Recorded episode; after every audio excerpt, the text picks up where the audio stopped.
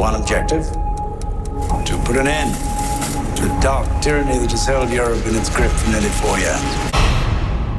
Success.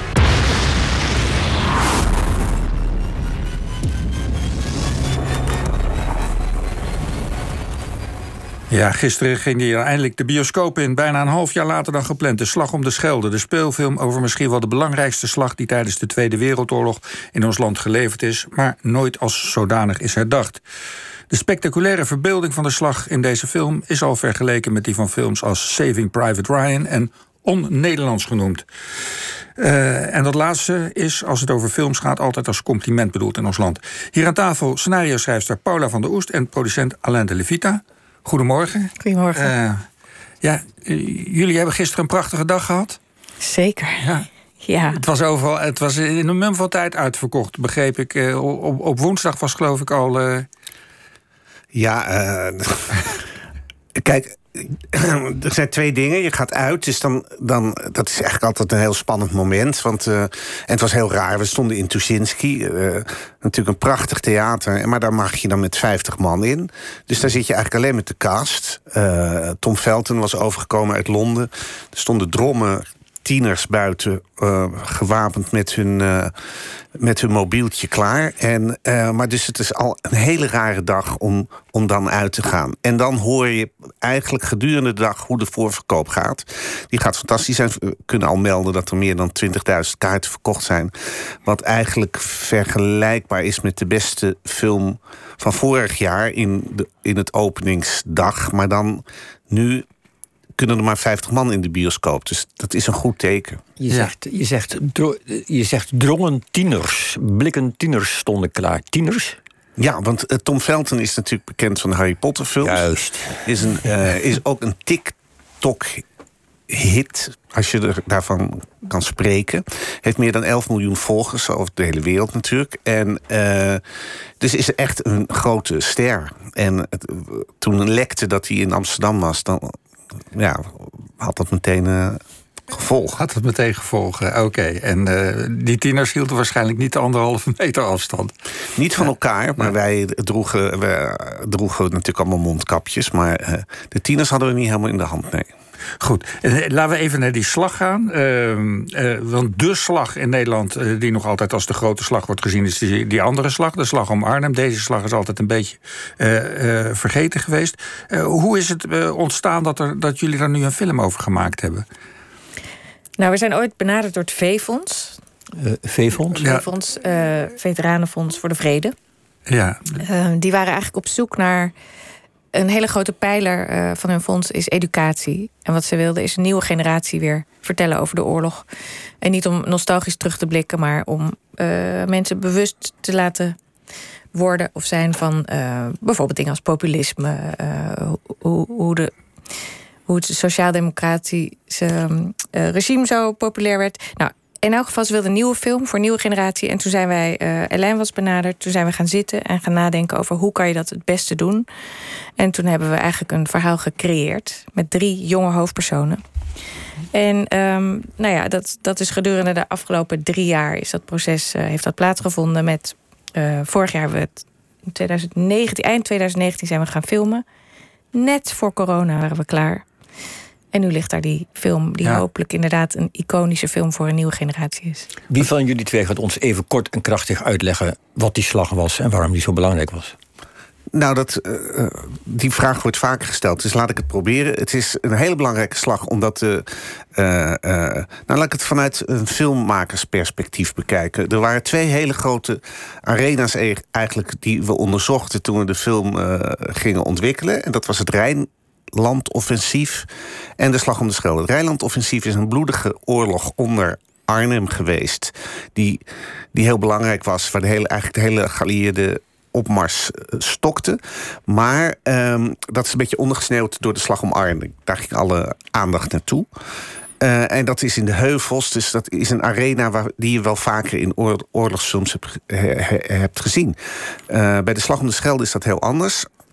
Walcheren was toen een eiland verbonden met de Sloedam naar het vasteland. De Schelde was niet vrij. De, hand, de haven van Antwerpen was wel vrij. En het was dus essentieel om de Schelde vrij te maken... zodat de geallieerden schepen Antwerpen konden bereiken en daardoor de troepen kon bevoorraden. De Atlantic Wall stond dus op Walcheren. De geallieerden hadden de dijken gebombardeerd. Het was één grote blubberpartij en daar moesten de Canadezen toen over die sloedam om Walcheren te bevrijden. Dat is in het kort arena. Nou, als filmmaker is dat natuurlijk super interessant. Het is plat, klei, blubber, zee, kanonnen, platte dam. En die slag over die dam leek ons visueel heel interessant. Omdat je dus een kaarsrechte weg hebt met aan weerszijden water... waar je een troepen overheen moet sturen, eigenlijk hun dood tegemoet. Een Nederlandser, een Nederlandser beeld krijg je ook niet, hè? Nee, je kan er nog een paar koeien bij zetten, maar dan, uh, dan ben je er wel. Ja, ja, En, en we moeten misschien nog even zeggen... doordat uh, het uiteindelijk lukte om die Schelde vrij te krijgen en die troepen te bevoorraden. Dat, dus de slag om de Schelde is eigenlijk heel belangrijk geweest voor het verloop van de Tweede Wereldoorlog. Ja, voor, voor, de, voor de hele verdere uh, verovering van Noord-Europa, zeg ja. maar. Ja. Ja, nee, dat is, dat, dat, is, dat, dat is zeker waar. Maar dat, was, uh, maar dat Nederlandse landschap uh, en dat typisch Nederlandse eraan was ook een van jullie drijfveren om dit te doen. En daarnaast dus de belangrijkheid en het feit dat de slag een beetje vergeten was. Zeker, die, die vergeten slag. Het was voor Zeeland bijvoorbeeld echt uh, heel belangrijk en heel fijn dat, dat er eindelijk aandacht aan deze slag werd besteed. Toen we gingen praten met de regisseur Matthijs van Heiningen, die begon onmiddellijk. Die, die arena was voor hem heel belangrijk, omdat hij is, hij is degene die deze film zo'n visueel spektakel heeft gemaakt. Mm -hmm. Dus bij hem gingen, hij zei: Kijk nou, op dat kleine eilandje komt alles en iedereen bij elkaar. Dus maar één toegang. Uh, dus dat werd onze, dat ja. werd onze ja, film. Nu hebben jullie een slag verfilmd. Maar het is niet alleen maar een slag. Jullie hebben ook drie hoofdpersonen gekozen van waaruit je het verhaal vertelt. Hè? Dat het verpersoonlijkt wordt. En jonge ja. mensen, geloof ik. Vertel, vertel even waarom die keuze en wie en, en, en wat krijgen we dan voorgeschoteld? Nou, um, drie jonge mensen. Een uh, Duitse of een, een, Nederlandse jonge jongen die zich bij de Duitsers heeft aangesloten. Die uh, bij het Oostfront terechtkomt. Zonder dat hij dat ooit had beseft dat hij daar terecht zou kunnen komen. En hij wordt uiteindelijk teruggestuurd naar Nederland, waar hij tegen zijn eigen mensen moet vechten. Dat is één. Karakter Marines. Uh, we hebben een Engelse gliderpiloot. Die op weg is naar Arnhem voor de slag, slag om Arnhem. En die stort neer uh, in Zeeland. En er is een jong meisje, Teuntje, die. Um, leeft op Walcheren, waar ze eigenlijk uh, ja, uh, vrij rustig leeft met haar vader, die arts is. En zij werkt voor een foute burgemeester, maar ze is zich daar niet heel erg van bewust. Ze denkt, nou, ik moet die oorlog gewoon, ik zit een beetje stil, ik kom die oorlog wel door. Dus het zijn eigenlijk drie mensen. En centraal is de vraag, wat voor keuze maak je? Dus de jongen die bij de Duitsers gaat, die denkt eigenlijk dat hij voor een betere wereld gaat. Want hij denkt. Hij is de idealist van de, de drie. idealist. Ja. De Engelse jongen gaat eigenlijk een beetje als een soort thrillseeker de oorlog in. Dus je kan je vraag, afvragen van wat zijn zijn motieven dan? Zijn die dan zo goed? Maar hij kiest wel voor de goede en het meisje kiest aanvankelijk niet. Ja, en, en, het gaat over dat je eigenlijk. Je kan niet kiezen. Je kan niet niet kiezen. Juist. Ja, ja. ja. En, en, keuzes worden ook door toeval bepaald. Dat zit er ook een beetje in, hè? Als haar broer ja. niet een steen op dolle dinsdag naar een auto had gegooid, was ze misschien nooit op het eind van de oorlog bij het verzet terechtgekomen. Ja, precies. Ja. Ja. Dat, en, zijn die drie personen die je gekozen hebt, zijn die ook gebaseerd op historische bronnen die je erbij gehaald hebt? Of? Uh, ge, we zeggen dan geïnspireerd ja. op of door. Geïnspireerd door. Ja, want we hebben, ik heb wel een dagboek van een gliderpiloot gelezen die uh, iets soortgelijks meemaakte. Bijvoorbeeld, fantastische bron van inspiratie was Montaigne, het boek van Dirk uit Kooijman. Prachtig. Ja, en, over, over um, zijn vader die de, ja. zeg maar een, ook een verkeerde keus maakte. Precies, ja. ja. En uh, voor, voor, ik heb natuurlijk ook geresearched wat er voor verzet in Zeeland was en wat er voor wat er, hoe vrouwen in het verzet. Uh, wat voor rol zij speelden. En toen kwam ik bijvoorbeeld op een meisje wat foto's maakte. En uh, nou, zo is het, komt het wel allemaal ergens vandaan.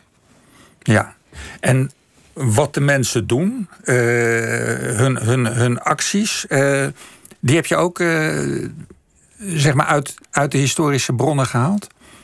De verzetsdaden die erin zitten en dat soort dingen? ja, ja, nou, allemaal in afgeleide vorm. Want het verzet heeft zeker geholpen om de Canadezen en de Engelsen over het sloot te brengen. Dus door, mm -hmm. dat was modder en dat kon alleen bij hoogwater, kon je daar in één gul, via één gul doorheen. En dat is dat was allemaal echt gebeurd, ja, zeker. Ja, ja, ja. Dat, dat meisje gaat dan op een gegeven moment. Nou, ik zal het verhaal niet helemaal verklappen. Mensen moeten de film gewoon gaan kijken. En nou, nou was, nou was een ander. Eh, enerzijds het verhaal van die slag om de Schelde was een motivatie om dit te kiezen. Anderzijds dat landschap. Uh, maar jullie hebben dat niet helemaal in Zeeland kunnen filmen. Want dat landschap daar is heel erg veranderd alleen. Nou, dat is inderdaad uh, helemaal waar. Want dan ga je op zoek naar iets wat op een dam lijkt. Met aan weerszijden water. Het loopt ook nog een spoorweg overheen. Dus... de, de, slag om de Sloedam, even verduidelijken. De slag om de Sloedam, dat is eigenlijk de belangrijkste slag die jullie in beeld brengen. Ja, je moet natuurlijk kiezen. Er waren natuurlijk veel, meerdere slagen maar, eh, rondom, die, rondom de Schelde. Maar dit was een, visueel de interessantste. Ja. En, die Sloedam die bestaat niet meer. Nee, die bestaat. Het is nu een, eh, het is helemaal ingepolderd. Uh, naar uh, Hollands gebruik. En er, er staat nog een monument maar, en, een, en een snelweg dendert eroverheen. Dus we zochten naar zo'n dam. En ja, in Nederland is natuurlijk alles aangeharkt en bestaat gewoon totaal niet. Dus we moesten hem eigenlijk helemaal bouwen. Dus we gingen eigenlijk overal in Europa zoeken naar een geschikte weg, dam achter. En we kwamen toen terecht vlakbij de grens met Wit-Rusland in een, eh, een vis, viskweekgebied uh, waar, waar laag water was en waar je zo'n weggetje had. En toen stonden we daar naar te kijken en toen dachten ja, hier kunnen we dat maken. En dat is heel, die hele dam is dus helemaal gemaakt, de spoorweg, alles. En in, in, in CGI, dus in de computer, hebben we die ook nog verlengd. Want in werkelijkheid was die meer dan een kilometer lang. En uh, vervolgens uh, begonnen we eigenlijk het filmen in Litouwen met uh, 250 man daar in the middle of nowhere in een, in, bij, bij die viskweekvijvers. En daar begonnen we meteen met een enorme oorlogsgedoe. dat was wel echt heel spannend. Ja, we begonnen daar, want we waren gewaarschuwd. Het wordt heel snel heel koud in Litouwen. Maar we stonden daar uiteindelijk met 25 graden. Al die soldaten zweten hun. Ja, het was echt prachtig weer. Dus we, hadden, we, waren bang dat het water zou bevriezen en alles. Maar dat was allemaal Het is niet te zien dat het prachtig weer was. Het is echt de, de, de, de, de grauwheid spat er vanaf van het beeld. Hè? Het, wat dat gaat een beetje vergelijkbaar met 1917, vond ik. Nou ja, we, we wouden een, wel een, uh, een waarheidsgetrouw beeld van de oorlog schetsen. Waar je dat in andere films, uh, die ook meer gaan over het heldendom van de Nederlanders. Althans, de weinige Nederlanders die helden waren, laten we wel wezen. Uh, en dan is het vaak glossy en ziet het er allemaal heel fris en fruitig uit. Dat wouden wij niet. Dus we hebben een hele grauwe wereld gecreëerd. Dus ook in de, in de art direction, in de cameravoering in de belichting, eigenlijk in alles om, uh, om, om zoveel mogelijk te benaderen hoe, hoe Zeeland er in die tijd uit moet hebben gezien. Ja, want jullie hebben dus deels in Litouwen gefilmd, maar ook in Zeeland, hè? Ja, in Zeeland en België en, uh, en zelfs in Friesland zijn we geweest. Ja, en als je nou naar jouw gecreëerde hoofdpersonen kijkt, Paula. Um, jij bent in hun huid gekropen. Is, is er dan iets waarvan je zegt. Waar, hoe heb je geprobeerd ze te begrijpelijk te maken, hun handelen? Bijvoorbeeld van die SS-jongen of dat meisje. Hoe, hoe, hoe heb je dat zelf gedaan? Uh, nou, veel lezen en veel nadenken over die, uh, die jongen die zich aansluit bij de Duitsers. Het, het V-fonds benadrukte ook dat ze de ongemakkelijke waarheid ook wilden tonen. En, en die ongemakkelijke waarheid is dat veel mensen zich aansloten bij de Duitsers. En zelfs meer mensen op die manier stierven dan vechten tegen Duitsers. Überhaupt vochten we natuurlijk niet. Maar um, dus ik heb, ja, ik heb gewoon heel veel gelezen. En, en uh, het geraf, raffinement van het uh, populisme is bijvoorbeeld ook echt een belangrijke factor. Dat, dat jongeren werden gemobiliseerd. Eigenlijk met ook argumenten die je nu ook hoort: dat de kloof tussen arm en rijk natuurlijk belachelijk groot is. Dat er de elite zich verrijkt. Er waren die filmpjes die uh, werden gemaakt, zijn ook allemaal heel je bedoelt de propagandafilmpjes Propagandafilms, van, uh, ja, zijn heel overtuigend. Dus ja. dat is heel begrijpelijk. Vervolgens werden die jongens gewoon... Die kwamen neer, of die kwamen terecht in het oost, bij het Oostfront... en dat was één grote doffe ellende. Dus je kan je gewoon voorstellen hoe iemand daar dan uh, helemaal in de war raakt... en denkt, oké, okay, um, dit is het dus. In dit geval hebben we het, heb ik het nog wat, uit, nog wat extremer gemaakt... door hem vervolgens naar Nederland terug ja, te sturen. En daar, daar zit hij dan, raakt hij langzaam maar zeker meer verscheurd. Dus het is, ja, het is eigenlijk ja. inleven, combinatie van inleven, uh, researchen. Ja. En uh, nadenken. En, en dan zo gemaakt dat mensen die de film zitten kijken... zich ook in alle drie die personen kunnen identificeren. Ja, want, dus... want dat is wel natuurlijk ons, on, ons onderliggende doel... is dat je uh, ja, gewoon een beetje aanzet tot nadenken over waarom je dingen wel of niet zou moeten doen. Ja. Dus wat dat er gaat, hebben jullie eigenlijk hetzelfde gedaan wat je nu al meer ziet in geschiedschrijving. Niet meer heel erg goed fout, maar meer een, een, een grijs beeld en iedereen heeft goede en foute kanten. Ja, want dat, dat is eigenlijk dat is natuurlijk de werkelijkheid. Er is net zoals dat één ding wat ook volgens mij wel uit de film spreekt, is dat oorlog gewoon altijd alleen maar verliezers kent. Het is een cliché, maar het is echt wel waar. Maar Ja. het is ondanks dit alles toch ook wel gewoon een, eh, even een simpel, Zeker, ja. spannende film, toch? Mag ik hopen. Nou ja, het is, als je het ziet, en zo wordt hij ook beschreven in de pers... als echt een spektakel wat doordendert met een heleboel cliffhangers. Je gaat de hele tijd van de ene naar de andere ka- karakters te zitten. O- o- Er zit de duurste scène in uit de Nederlandse filmgeschiedenis. De, ook de ingewikkeldste. Eh, dat is de glider-scène waar dat vliegtuig eh, in de problemen komt en neerstort. Ja, het is van- echt, vanuit het vliegtuig gezien hoe je neerstort. Hè? Van- ja, zeg maar, precies. Vanuit de piloot meemaakt. piloten. Ja. Dus eh, om dat te filmen, nou, dat, dat wil je echt niet weten hoe ingewikkeld dat was. Maar het is bovenal een, een film die dus voor een heel breed publiek toegankelijk is. Want die waarden waar we het over hebben, die, als je die naar de voorgrond brengt, dan.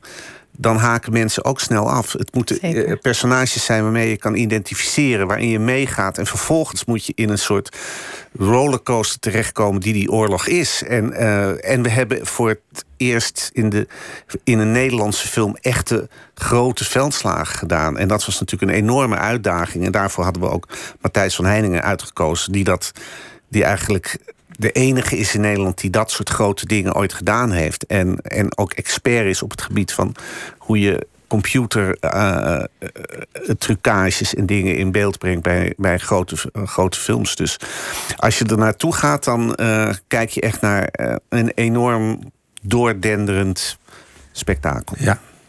Nou, en dat enorm doordenkende spektakel... dat eh, zal nog wekenlang te zien zijn in de bioscoop. Zeker. Paula van der Oest en Alain de Levita, hartelijk dank voor jullie komst. Graag gedaan. Graag gedaan.